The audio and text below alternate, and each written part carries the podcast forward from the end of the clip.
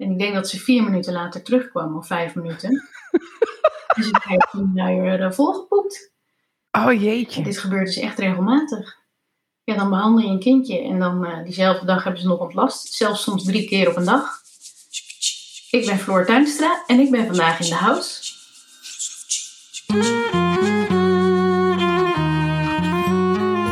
Ja, je hoort het goed. In vier minuten van flinke constipatie naar een soepele ontlasting. Dat kan met voetreflex. Volgens Floor Tuinstra kun je bij baby's en kleine kinderen kwaaltjes via de voeten binnen een minuut wegmasseren. Bij volwassenen werkt het natuurlijk ook, maar dan duurt het wat langer. En het leuke is, volgens Floor kun jij het ook leren. Luister je mee? Hey Floor, welkom in de podcast. Dankjewel, leuk om hier te zijn. Uh, vertel eens wat je doet. Ik ben uh, voetreflexoloog, althans ik heb een praktijk voor voetreflexologie. En uh, daar geef ik ook les in. En uh, specifiek op het gebied voor baby's. Waarom voor baby's? Nou, dat is een beetje zo gerold toen ik net met mijn opleiding begon. toen was er eigenlijk nog niks op dat gebied voor baby's. Maar vriendinnen van mij kregen wel baby's. Ja. Um, op een gegeven moment was ik bij een vriendin op bezoek in, uh, in Slovenië. En haar zoontje Toby, die, uh, die kon heel moeilijk ontlasten. Zeven maanden ja. oud. En toen zei ik, joh, zal ik eens een keer proberen of ik wat met de voetreflexologie kan doen. En ze is ernaast gaan zitten. En toen heb ik zijn voeten gemasseerd. En uh, daarna moest ik er gelijk vandoor. En een half uur later kreeg ik een sms'je dat hij zijn luier tot de nok vol had gepoept.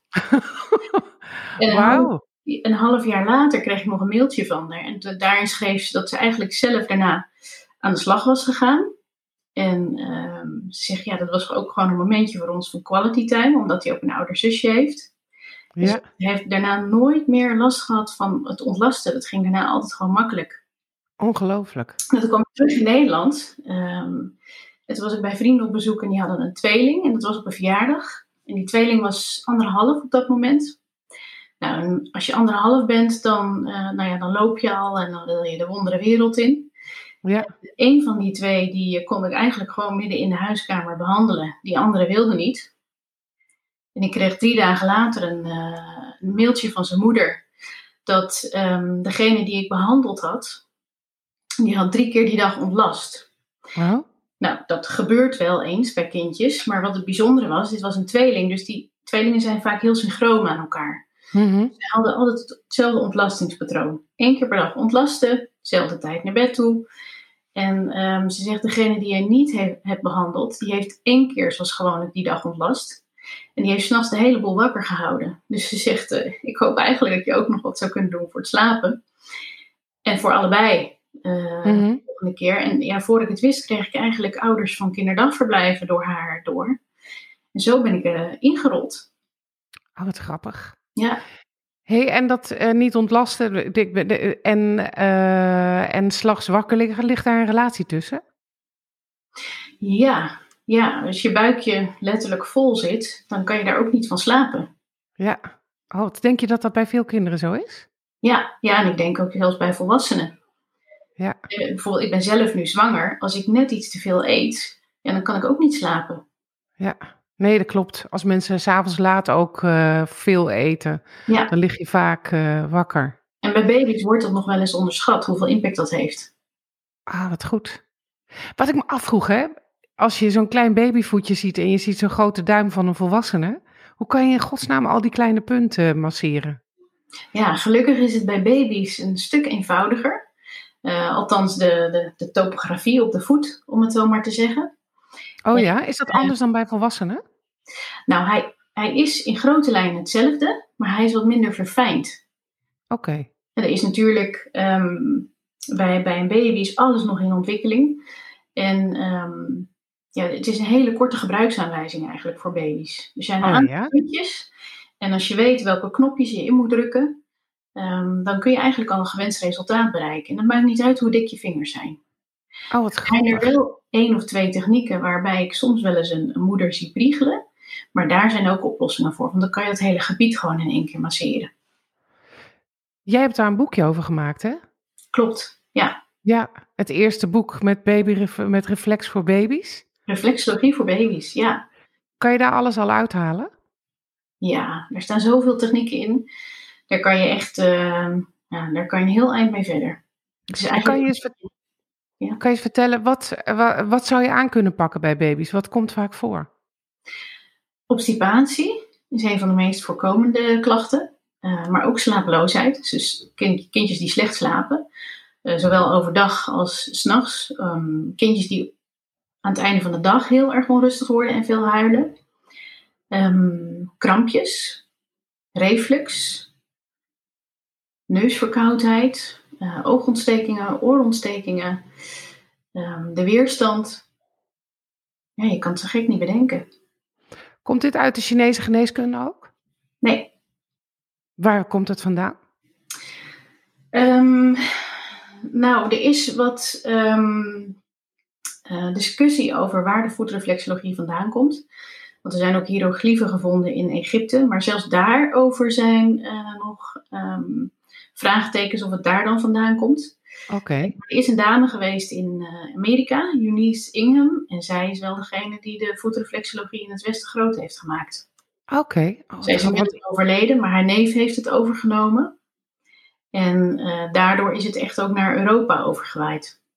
Oké, want inderdaad, als ik kijk in de, bij acupunctuurpunten, ja, ik ken één acupunctuurpunt onder, het, onder de voedsel en dat is uh, nier 1. Maar ja. verder zitten onder de voedsel geen acupunctuurpunten volgens de Chinese. Uh, nee. Nee. Nee, er is inderdaad maar één acupunctuurpunt. Uh, het leuke is dat dat acupunctuurpunt komt wel overeen met, zoals ik het noem, het zonnetje op de voet. Oh ja? Ook wel het aan- en uitknopje. Oh, echt waar? Even voor, de, dat, dat punt zit op, zeg maar, onder de bal van je voet in het midden ongeveer. Ik zal ja. een, een, illustratie bij, uh, ja. bij de blog doen. Maar, oh ja, noem je dat het zonnetje? En waarom heet dat het zonnetje?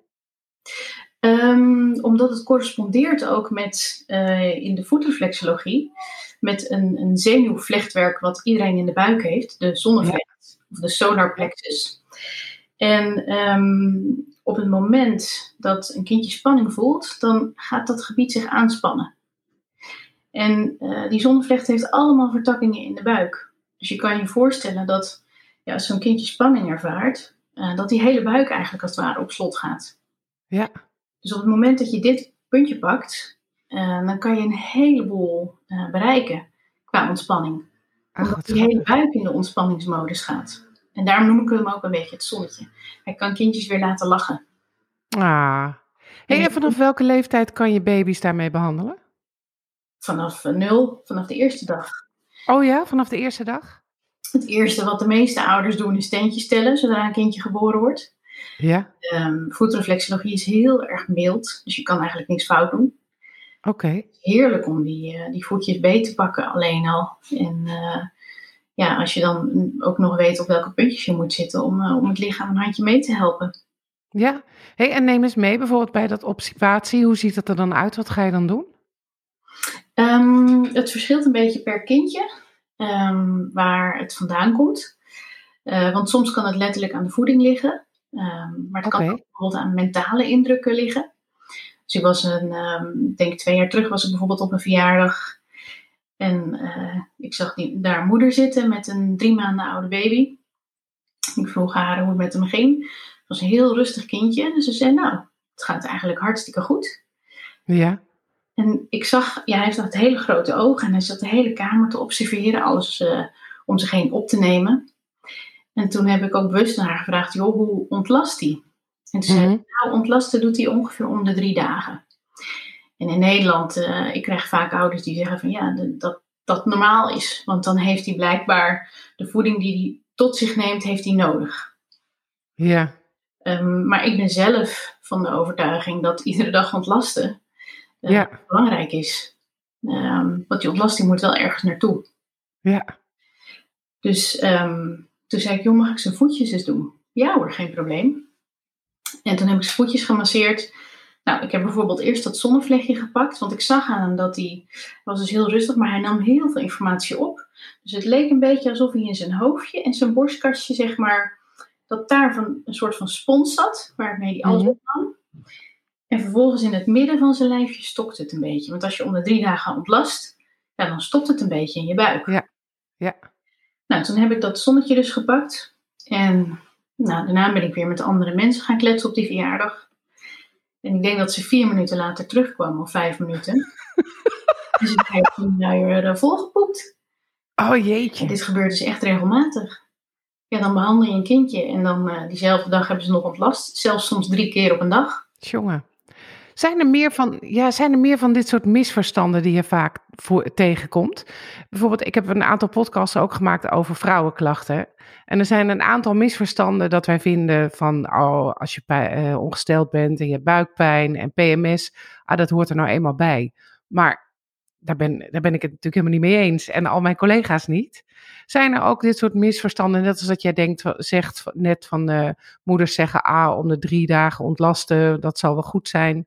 Zijn er meer dingen die je vaak tegenkomt waarvan je denkt, ja, daar kan je, dat, dat is eigenlijk niet zo leuk voor je kind of niet gezond? Ja, ik denk sowieso ontlasten, maar dat is ook een van de belangrijkste functies die je lichaam heeft. Ja. Ik denk dat ieder persoon eigenlijk haast dansend van het toilet zou mogen komen. Zo makkelijk moet het gaan. Volwassenen ook? Volwassenen ook, ja. ja. Um, voor mij is dat een van de belangrijkste eikpunten. Dat vraag ik ook vaak aan, aan klanten, ook aan volwassenen. Hoe ziet je ontlasting eruit? Heeft hij een kastanjekleur of pindakaaskleur? Mensen zeggen heel vaak van nou, ja, bij mij gaat het goed. Ik ga iedere dag naar het toilet. En dan vraag ik ze over de kleur. En dan is hij bijvoorbeeld kastanje. En dan weet ik al van, oh, daar zit er een beetje toch um, een verhitting in het lijf. Of, of, of ja. vorming tot uh, droogheid. Wat leidt tot allemaal andere kleine dingetjes, zoals droogheid in de huid en in de voeten. Ja. Um, nou, dus ontlasting is een van die belangrijkste punten. En um, daarnaast voeding, vooral voor baby's. Ja, en wat, wat over voeding? Wat heb je daar, eh, wat zijn dingen die je vaak tegenkomt waarvan je denkt, oh, dit moeten eigenlijk alle ouders weten? Um, een van de belangrijkste dingen zou ik zelf vinden dat als er geen borstvoeding wordt gegeven, maar flesvoeding, dan zou de allereerste keuze voor alle ouders zou geitenmelk mogen zijn. Oh ja, waarom? Omdat um, bij koemelk zie je toch ontzettend veel klachten. Er zat ook vrienden van mij die vroegen om, um, toen een kindje zes maanden was van Floor, kun je toch eens komen kijken. Want ja, we weten eigenlijk niet meer waar we het hebben moeten. Volgens mij heeft ze reflux. En um, toen ik bij hen thuis kwam, heb ik haar behandeld. En um, vervolgens zei ik ook van ja, ik zie gewoon bijna aan haar, aan uh, hoe ze functioneert, aan haar geluid, gelaatsuitstraling, de huidskleur, uh, dat ze reageert op koemelk en dat ze daar last van heeft. Wat zag je dan? Ja, het is een bepaalde. Zij had een bepaalde bleekheid over zich heen. Een bepaalde leegheid. Ja, het is soms lastig te omschrijven, maar het is, je ziet het aan iemands energie, aan iemands uitstraling. En, en is dat dan typerend voor een uh, intolerantie voor koemelk? Of intolerantie in het algemeen? ja, ik zou zeggen intolerantie in het algemeen. Uh, want dat kan zich ook op andere manieren uiten dan reflux. Maar wat je ziet is dat um, zij liep in het ziekenhuis en daar hebben ze vrij strikte protocollen om te constateren of een kindje daadwerkelijk last heeft van koemelk. Hmm. Ze zeiden op dat moment van ja, weet je, we lopen nu in het ziekenhuis, ze krijgt speciale um, voeding. Ik geloof destijds dat zij Pepti kreeg. En dat is vaak, weet je, die molecuulstructuur is uit elkaar gehaald, die wordt weer teruggezet. En um, zodat ze misschien minder reageren op koemelk. Maar het punt is dat dat soort um, formules voor baby's vaak leiden tot ergere klachten. Misschien okay. dat ze de reflux iets minderen, maar ze gaan zich anders vastzetten in het lijf. Oké. Okay. Dus je krijgt andere klachtjes, bijvoorbeeld veel meer slijmvorming of veel meer verkoudheid. Ja. Veel meer buikpijn. En um, dus ze hebben op dat moment ervoor gekozen om te vertrouwen op het ziekenhuis. Tuurlijk, ja. Nou, ik zag ze regelmatig, maar drie jaar later, op een uh, verjaardag van de vader, toen zei hij van Floor, we zijn toch eindelijk gestopt met koemelkproducten. Hij zegt, we hadden binnen een week een totaal ander kind. Ai. We hadden, en dat, maar er is wel drie jaar van ellende geweest. Ja. Eigenlijk is koemelk voor de meesten, ook volwassenen gewoon, is het, het is geen product meer voor ons, hè? Nee, en dat is niet, um, uh, ik zeg dit niet omdat de koetjes uh, vanuit veganistische overtuigingen, maar er is wetenschappelijk bewezen dat ieder mens tot ongeveer zijn eerste levensjaar enzymen in zijn lijf heeft om um, zuivel af te breken. Ja. En na dat eerste levensjaar gaat, dat, gestaag vallen die enzymen weg. Ja. Dus ja, er zijn, ik zie soms kindjes, zie ik, uh, die krijgen op met twee jaar krijgen ze nog de fles. Hè, of na het eerste levensjaar. Ja, vrienden van ons ook, die hebben een, een, een, dochtertje, die heeft voor haar tweede levensjaar 16 oorontstekingen gehad. Mhm. Ja, ik denk dat als de koemelk uh, weggelaten was na het eerste jaar, dat ze een heel ander kind zouden hebben gehad. Ja. Omdat en is het anders dan met borstvoeding? Nee, bij borstvoeding kan ook, kunnen ook klachten ontstaan. Um, bij mij in de praktijk uh, komen de meeste kindjes die slapeloosheid hebben, zijn vaak ook kindjes die borstvoeding krijgen. En wat je daar heel vaak ziet, is dat um, de borst is heel makkelijk. Die heb je ieder moment bij je. Je hoeft niks op te warmen. En wat je vaak ziet, is daar een soort van, um, ja, dat, noem ik, dat noemen ze in het Engels breastfeeding on demand. Dus borstvoeding op verzoek. Ja. Dus op het moment dat het kindje onrustig wordt, wordt er eigenlijk voeding gegeven. Maar we hebben allemaal een soort kopje in ons lijf. En als dat overloopt, dan uh, krijg je andere klachten. En je ziet vaak bij dit soort kindjes dat ze net iets te veel voeding krijgen. En daardoor dus ook klachten vertonen. Oké. En is er ook een leeftijd waarop jij zegt van nou borstvoeding, uh, vanuit jouw visie zou ik zo en zo lang doen en daarna overgaan op andere voeding? Of maakt dat niet uit? Nee, nee ik denk dat als de moeder zich uh, goed voelt en het niet te veel energie van haar vraagt, ja, ja. Um, dan zou je in principe prima door kunnen gaan met borstvoeding. Uh, ja. Maar ik, wat, ik, wat ik wel vaak zie is dat de moeders er zelf een beetje aan onderdoor gaan en toch mentaal ten koste van zichzelf kiezen voor het kindje. Ja, dat klopt. Alleen dat heeft ook weer een impact op het kindje zelf, want de eerste drie jaar zitten ze, zijn ze nog heel erg verweven, vooral met de moeder, maar ook met de vader. Ja. Dus op het moment dat de moeder leeg raakt qua energie, heeft dat ook een impact op die baby. Ja. Als je de, de ik, ik behandel ook heel vaak de moeder in plaats van de baby. Oh ja? haar behandelt, uh, kan dat een enorme impact hebben op haar kind. En andersom. Dus Komt het wel eens voor dat mensen binnenkomen met, uh, oh mijn baby heeft dit en dat, en dat je zegt, nou weet je wat, ga jij maar lekker zitten? Jazeker, ja. Oh ja? Ja, vooral als ze nog slapen. De baby's, dan wil ik ze ook niet uh, speciaal gaan wakker maken. Mm-hmm. En dan, uh, nou, dan zeg ik bijvoorbeeld tegen die moeder, ga jij maar lekker liggen. Nou, daar kan je ook ontzettend veel dingen uit oppikken. Oh ja, vertel eens. Ik had een tijdje terug had ik een moeder die kwam binnen en haar baby sliep nog. Ik zei, weet je, zet die maxicosi um, tegenover mij, zodat ik de baby kan aankijken als de baby wakker wordt. En ondertussen ga ik jou masseren. Nou, die baby heeft echt een uur lang geslapen in, die, uh, in de praktijk. En dan heb ik uh, ondertussen heb ik de moeder gemasseerd. En um, ja, dat is denk ik ook ervaring. Maar door het masseren pikte ik ook dingen op. Terwijl ze me niks had verteld. Ja. En um, tijdens de behandeling werd die baby op een gegeven moment wakker. En ik heb alleen maar die baby aangekeken. En um, ja, met die baby als het ware via de ogen gecommuniceerd. Zo van, hé, hey, het is goed, je bent hier. Mama die wordt behandeld. Mama is in goede handen, dus ga maar weer lekker verder slapen. Ik denk dat we tien minuten bijna oogcontact hadden. En uh, toen ging hij weer rustig verder slapen. Het bleef heel erg okay. rustig. En, en, en wat pikt hij op bij die moeder? Nou, toen de behandeling af was gelopen, vertelde ik haar dus ook dat hij wakker was geworden. En ze was in volle verbazing dat hij niet had gehuild. Of dat hij niet onrustig werd. Um, en vervolgens, uh, wat ik bij haar oppikte, is dat ik zei van... joh, ik heb het idee dat er eigenlijk thuis wat spanningen zijn. En ze zei ja. Ze zegt, ik, ik, ik, ik doe gewoon zoveel. Uh, ik merk nu dat nu we een babytje hebben, uh, dat ik zoveel op me neem en mijn man eigenlijk minder. En dat was, dat was misschien al zo voordat ik uh, ging bevallen.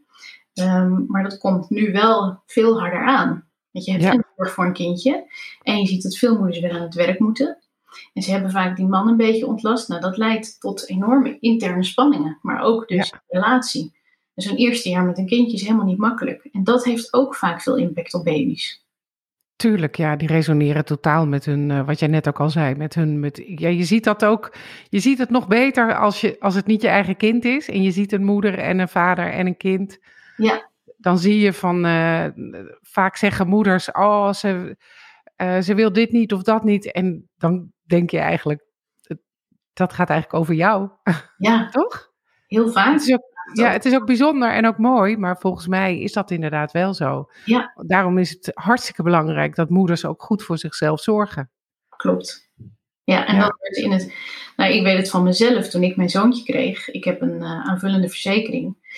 En daar maak ik eigenlijk ieder jaar gebruik van. Want ik ga zelf ook naar voetreflexologen, shiatsu-therapeuten, noem maar op. Ja. Maar het eerste jaar dat ik mijn zoontje had, ik heb mijn hele aanvullende tegoed nauwelijks aangeraakt. Precies, eigenlijk. eh, hè, hoe, hoe, hoe je het Je was niet het vergeten. ja.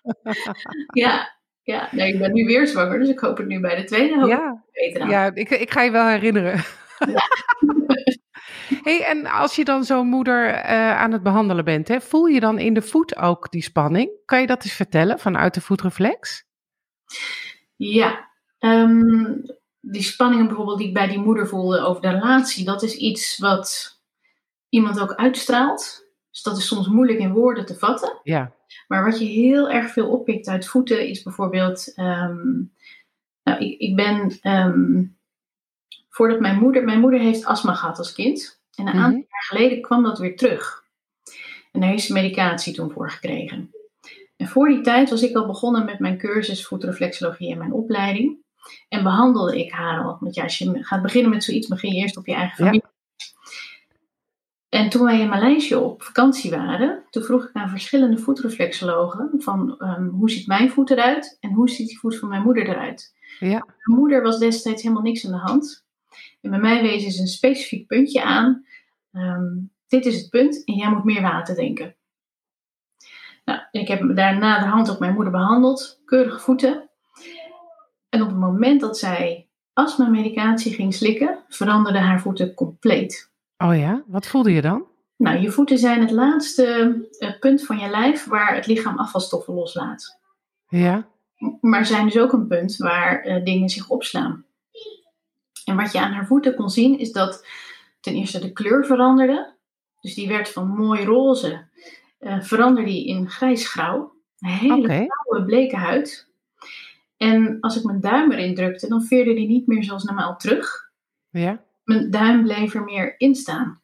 ja, Dus de vitaliteit in de voet die nam af. Door de medicatie. Maar je En ziet wat heb je toen gedaan?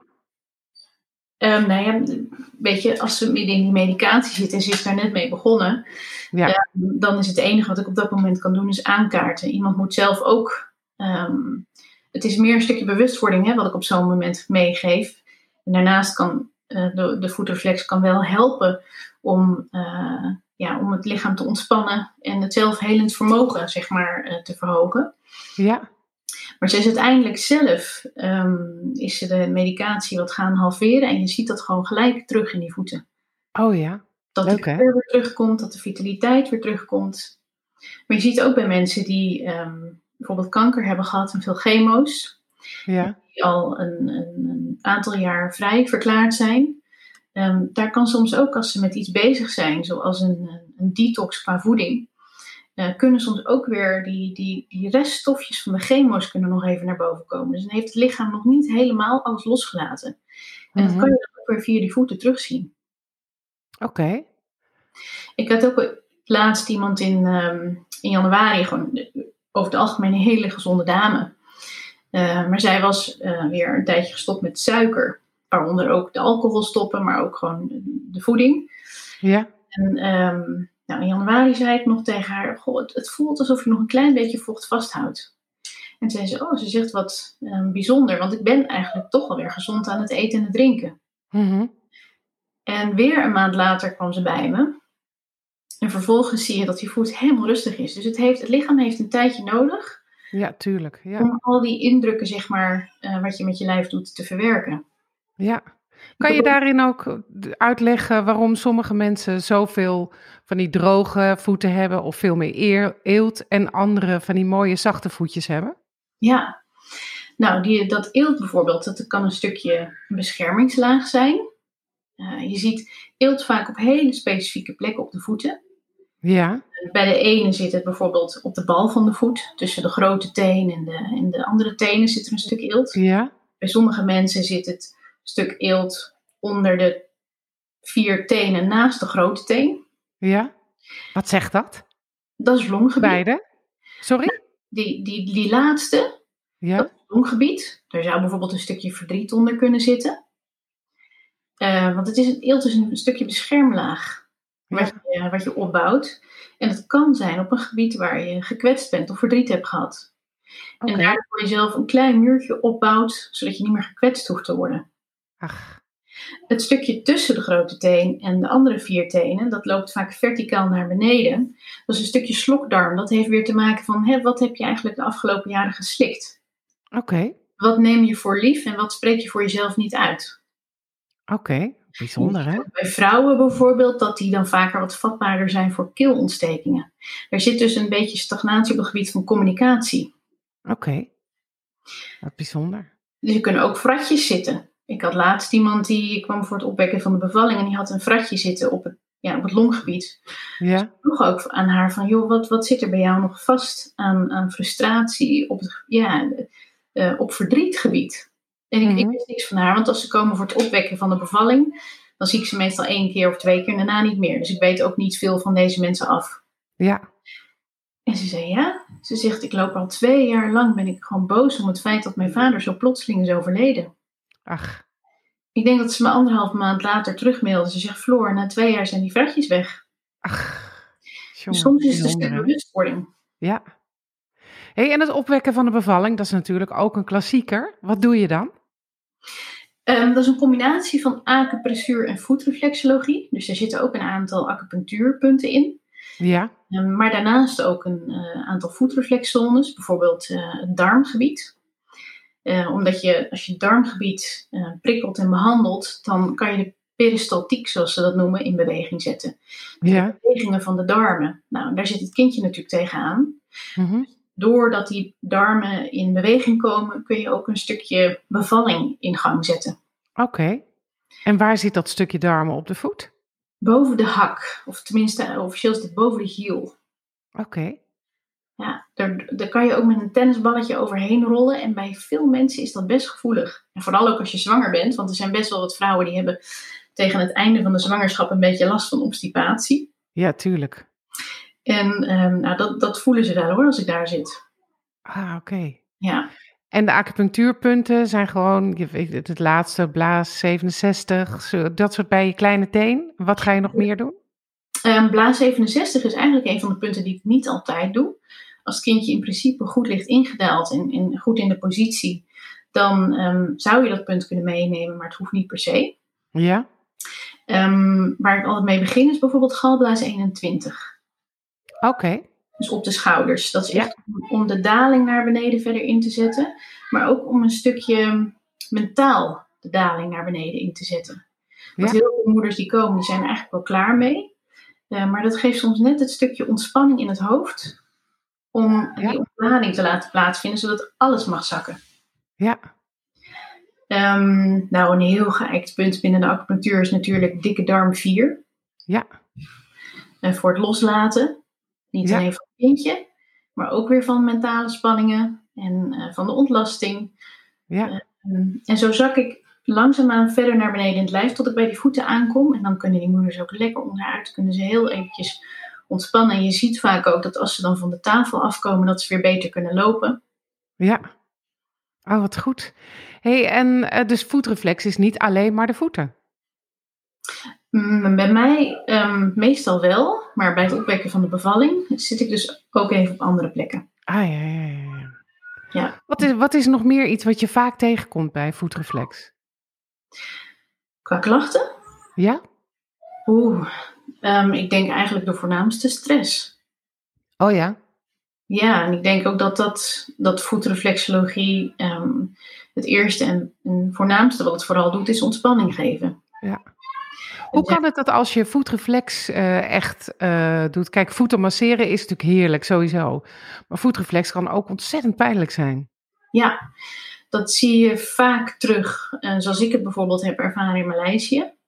maar ook in Den Haag, in Chinatown. Veel Chinese reflexologen, um, ja, dat zijn gewoon echt pittige behandelingen. Maar die lopen een routine af en die, die gaan, komen heel veel bij sommige punten zetten ze in. Um, ik heb ook zo leren behandelen. En dat heb ik in het begin ook gedaan. Maar ik moet zeggen dat ik mijn, in mijn praktijk inmiddels is mijn uh, behandeling wel ietsjes anders. Dus ik, ik, pak het wat gedoseerder aan, omdat mhm. ik gemerkt heb dat ik op die manier veel dieper kom. Oh ja, ja, ja, ja. En wat ik ook belangrijk vind, is dat mensen in een stukje ontspanning komen. Want er zijn ook Ja. voetreflexologen bij wie je een soort van half rechtop moet zitten. En waarvan de voetreflexoloog het fijn vindt dat je de hele sessie met ze blijft praten en Oh feedback ja, ja. Maar ehm, je komt ook voor een stuk ontspanning. Dus bij mensen, mensen mogen bij mij, als ze dat zouden willen, zelfs snurkend in slaap vallen. Oh, ik ben het helemaal met je eens. Ik, met de acupunctuur ben ik precies hetzelfde. Ja, Het warm zijn, lekker, lekker ruiken, muziek aan. En moet daarna warm gewoon in slaap vallen, want het is zo helend. ja, Het helpt zo voor je herstel. Ik ben het helemaal met je eens. En ik heb een podcast hebben opgenomen over eh, craniosacraaltherapie. Cranio is ook heel zacht. En hij legt ook heel mooi uit, Maarten, dat bijvoorbeeld bij massage of bij fysiotherapie zou je, als je bepaalde handelingen doet, afweerspanning kunnen krijgen. Dat iemand onbewust of bewust tegenwerkt. Is dat Ja. wat jij bedoelt met dat je zegt van als ik zachter werk, kom ik soms dieper? ja. Ik, ja, bedoel precies dat je die weerstand, ehm, ehm, die, die ontstaat wel eens. Maar ehm, als je die krijgt, dan kun je daar op een andere manier mee omgaan. Dus soms behandel ik wel eens iemand en dan zegt ze van, oeh, ik voel echt gewoon nu in mijn onderrug een soort van weerstand ontstaan. Ja, dan kan ik dat punt wel eens even loslaten en even net iets anders gaan pakken. En dan bijvoorbeeld er even over praten. Van hè, waar zou het vandaan kunnen komen? Of soms laat ik het gewoon los, zodat iemand toch weer eventjes kan ontspannen. En dan kom ik later weer op dat punt terug. Maar dat doseer ik dan wel. Ik ga behoedzaam werken. Ja, dat begrijp ik. hey, en ehm, ik ga eens heel even kijken hoor, wat ik... Ah ja, als kinderen, eh, dit- we hebben het net gehad over baby's. Even terug naar, naar van de papa's en de mama's naar de baby's. Ehm, als ze groter zijn, is het dan nog steeds iets wat je vaak doet? Bij grotere kinderen? Zeker. Ik had eh, een tijdje terug had ik een jongetje van zeven en ehm, die ontlastte s'nachts. Dus die moest iedere nacht een luier om, want hij kon overdag gewoon niet naar het toilet. En ehm, die moeder kwam specifiek met de vraag van, joh, kun jij hem overdag laten ontlasten, zodat we van die luier afkomen? Nou, voor mij was dat ook eigenlijk de eerste keer. En iedere keer is het, eh, vind ik het zelf nog steeds een verrassing van, hè, gaat het werken of niet? Ja, En ehm, ik denk dat hij na de eerste behandeling kreeg een heel klein beetje aandrang. Nou, toen kwam er een, een keuteltje uit. ja. Na de tweede behandeling eh, kwam, eh, kwam het op gang. Dus toen ik haar bij de derde terug zat, zei ze van, eh, we hebben geen luier meer nodig. Hij is gewoon... Ah. En wat fijn ook voor hem. Het is ja, natuurlijk helemaal ja. niet leuk op je zevende met een luier naar bed. Nee, nee. En ik, ik heb ook een kaartje gekregen van die ouders toen met kerst van Floor. Jij was ons lichtpuntje dit jaar. Want na zeven jaar zijn we van die luier af. En hij heeft ook nog drie grote zussen. Dus ja, dat, is, nou, dat maakt je werk gewoon Oh ja. zo... Ja, het Ah, geeft wat voldoening. Oh, wat goed. Hey, en eh, sommige kinderen, met name jongens, die plassen nog lang in hun bed. Ja, Kan je daar wat mee? ja. Daar zit natuurlijk ook een stukje spanning onder. En indrukken verwerken. Ehm, dus de- ja, bijvoorbeeld een van de eerste punten is bijvoorbeeld weer dat zonnetje. Oh ja? Dus dat is iets wat Ja, ouders nu thuis zouden kunnen uitproberen? Zeker. Ja, en hij is heel makkelijk bij, vooral bij baby's, maar zelfs nog bij kinderen kun je hem eigenlijk heel makkelijk zien. Bij volwassenen wordt dat wat lastiger. Ehm, maar op, bij een babyvoetje zie je vaak onder de bal van de voet lijntjes bij elkaar komen. Oh, ja, ja, ja, ja. Waar ze zo hun voetjes om zo krommen. Ja? Precies. En bij sommige baby's is het letterlijk een sterretje of een zonnetje. Zie je Oh. gewoon allemaal rondjes. Ja? En dat is letterlijk een ster of een zonnetje. En ehm, bij sommige baby's loopt het dus in een soort van kruisje naar elkaar toe. Nou, het enige wat je hoeft te doen is daar je duim op zetten. Ja? Soms is het voldoende om alleen al die duim daar te laten staan.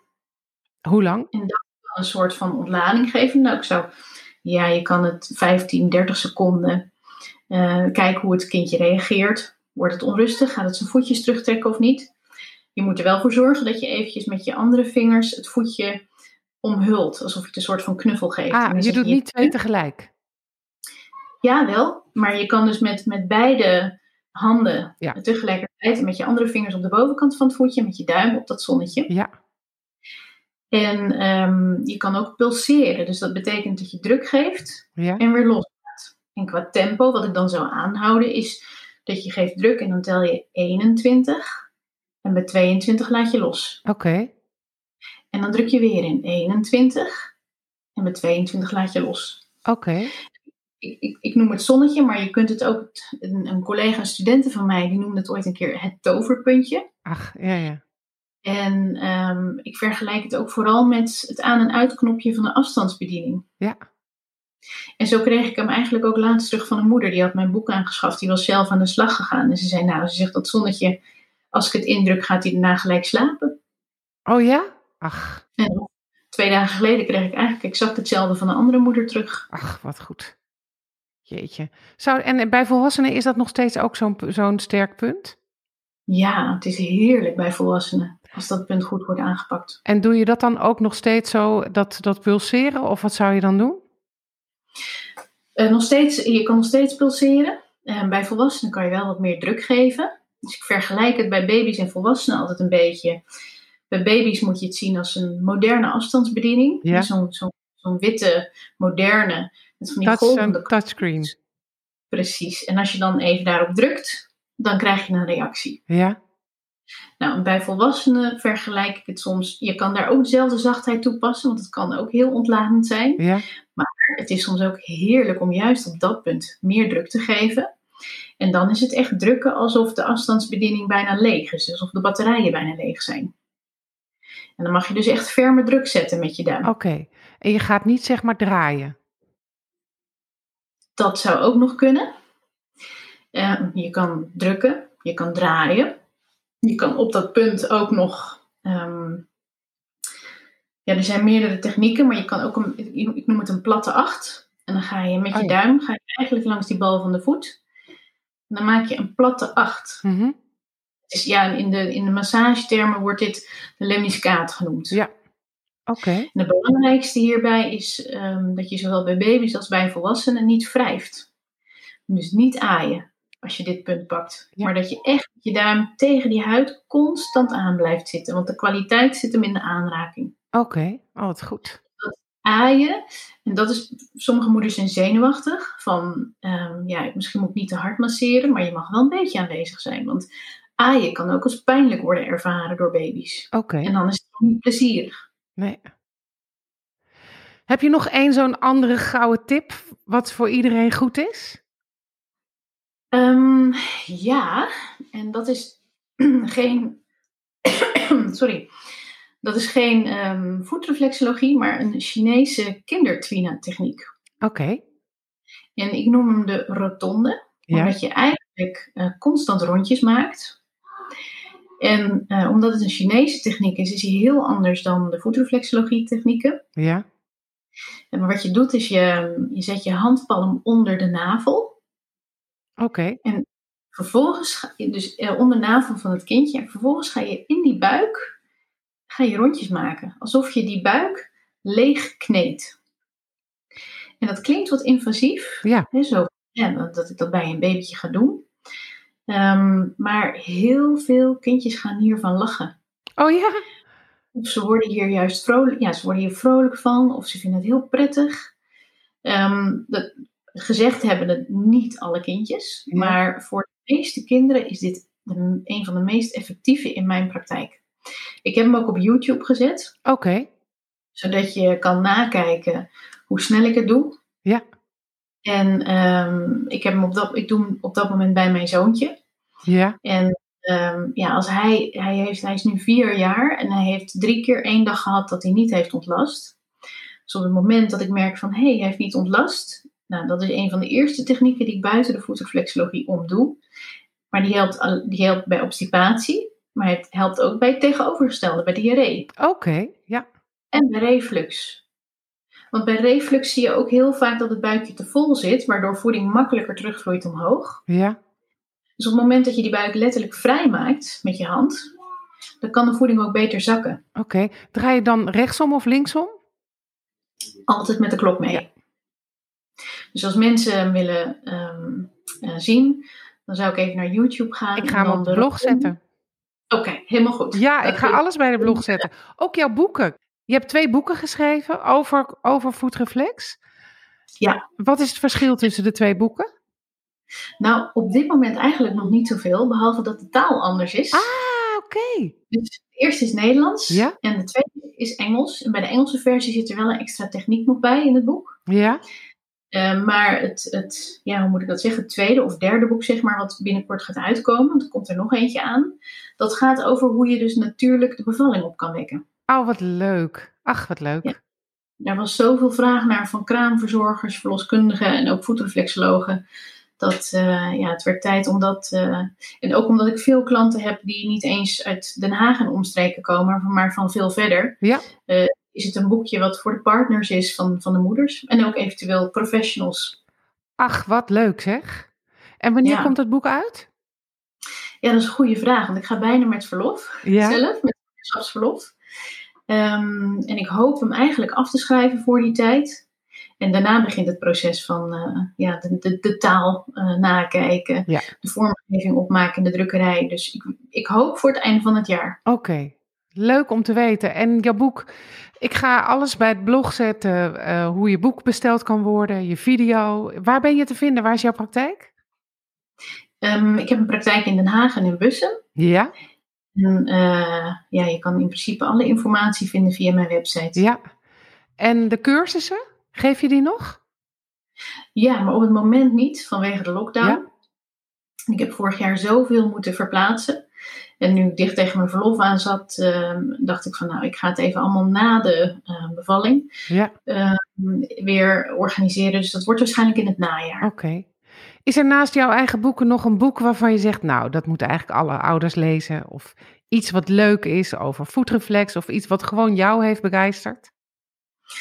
Ja, nou, ik, dit is het enige boek in Nederland over de babyreflexologie. Ja, Ehm, dus op dat gebied ehm, weet ik niet zoveel anders. nee, gaan we jouw boek eh, kopen?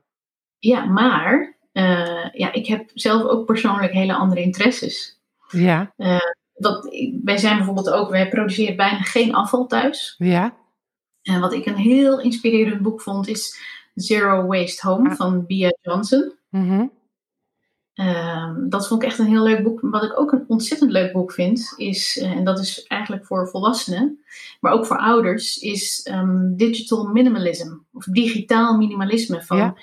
Newport. oké, Omdat je ehm, heel veel moeders, waaronder ik zelf ook, eh, ik betrap mezelf er ook regelmatig op, we zitten nog veel op onze telefoons. ja, Of we kijken naar WhatsApp, of we zitten op social media, of we zijn onze e-mails aan het checken, noem maar op. En dat zijn zo ontzettend veel prikkels die je binnenkrijgt, maar dat heeft ook een impact op je kindje. ja, Ik merk dat als ik mijn telefoon veel vaker weglag en ook niet meer naast mijn bed als ik ochtends wakker werd, dat Ja. dat een onwijze invloed had op de relatie tussen mij en mijn zoontje. oké, En hij schrijft een heel toegankelijk boek. Hij is zelf, ehm, geloof ik, computer engineer of ja, een, een onderzoeker op het gebied van computerwetenschappen. Eh, maar hij schrijft het echt in, in Jip en Janneke taal. En dat vind ik altijd heel fijn. En daarnaast ook van hoe je dus zelf ehm, eh, daarmee om kan gaan. oké. Leuk. heel inspirerend. Ja, Ik ga er naar kijken. Ik ga dat allemaal bij de blog eh, schrijven. En is er tenslotte nog iets wat ik ben vergeten te vragen? Iets waarvan je zegt, ja, maar dit wil ik eigenlijk nog ook kwijt. Dit is belangrijk. Ehm, nou, ik denk dat ja, die geitenmelk wordt echt een beetje onderschat. Ja. Het is iets duurder dan koemelk. Ehm, maar ik zie soms echt dat kinderen 180 graden draaien Ja. nadat ze eh, overgaan op geitenmelk. en mijn advies zou zijn dat als het kindje flesvoeding krijgt, om na het eerste levensjaar te stoppen. Dus wij zijn ehm, vlak voordat mijn zoontje één werd, zijn wij gestopt met flesvoeding. Of althans, we zijn het gaan afbouwen. En twee weken na zijn eerste verjaardag was het ook de laatste fles. Mhm. Daarmee voorkom je ontzettend veel klachten. Oké, En eh, bijvoorbeeld met de eh, lockdown afgelopen jaar mocht je kind niet naar de opvang als het een snotneus had. ja, Nou, daar heb ik me met, met mijn zoontje geen dag ongerust over gemaakt, want ik weet precies hoe je dat moet voorkomen. Ja. Maar een van die eh, grote factoren die daar een rol in speelt, is wel zuivel. Dus dat zou buiten de massagetechnieken zou dat mijn andere tip zijn. Doe daar echt je voordeel mee. goed om te weten. Dankjewel. Was heel gezellig, Nathalie.